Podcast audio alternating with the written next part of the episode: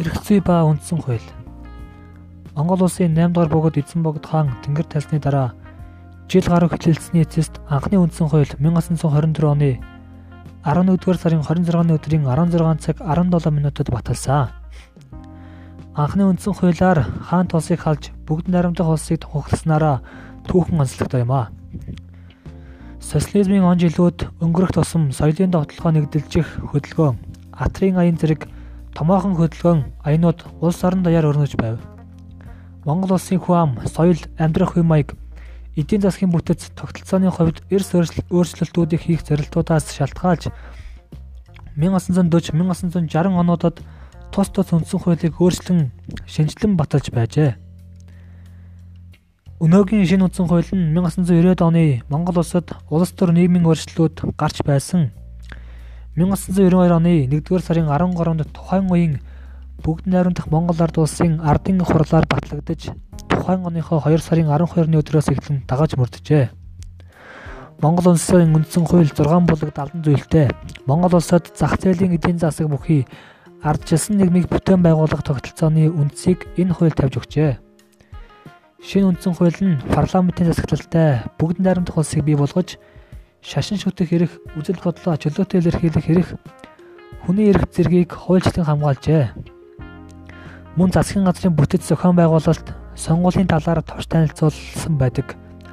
Үндсэн хуулиа монголчууд эцэг хууль, их хууль гэж бас нэрлэдэг. Анхны үндсэн хууль бүгд найрамдах Монгол ард улсын анхны үндсэн хуулийн товчлол 1-р бүлэг Монголын жинхэнэ ардын эрх чөлөөг элхэн харуулган харуулн тунхаглах нь Нэгдүгээр зүйл бүх Монгол улсыг үүнээс хойш бүгд найрамдах бүрэн эрхтэй ард улс хэмээж улсын дэд эрхийг жинхэнэ ардуудад итлүүлэн аливаа хэргийг улсын их хурал ба мөн хурлаар сонгогдсон засгийн газраас гүйцэтгэн шийтгүүлэх явдлыг нийтээр сөслөн давлгаалваас өхмөө.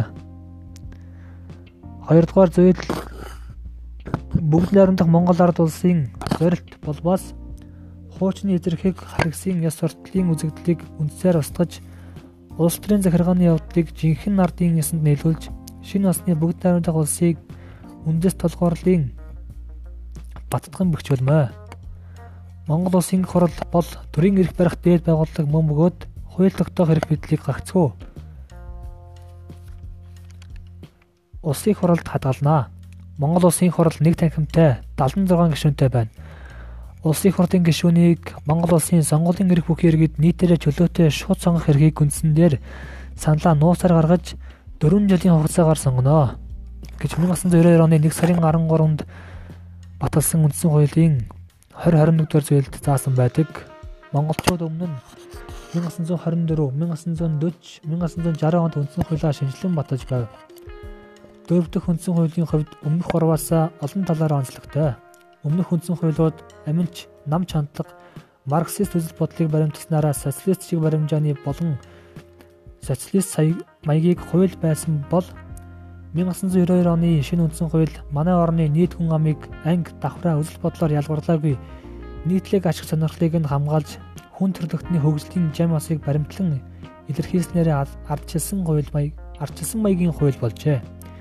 Энэхүү хуулийг 1992 оны 1-р сарын 13-нд бүгд найрамдах Монгол ард улсын ардын хурлаар баталж тухайн оныхоо 2-р сарын 12-ны өдрөөс эхлэн дагаж мөрдсөн төвхтэй.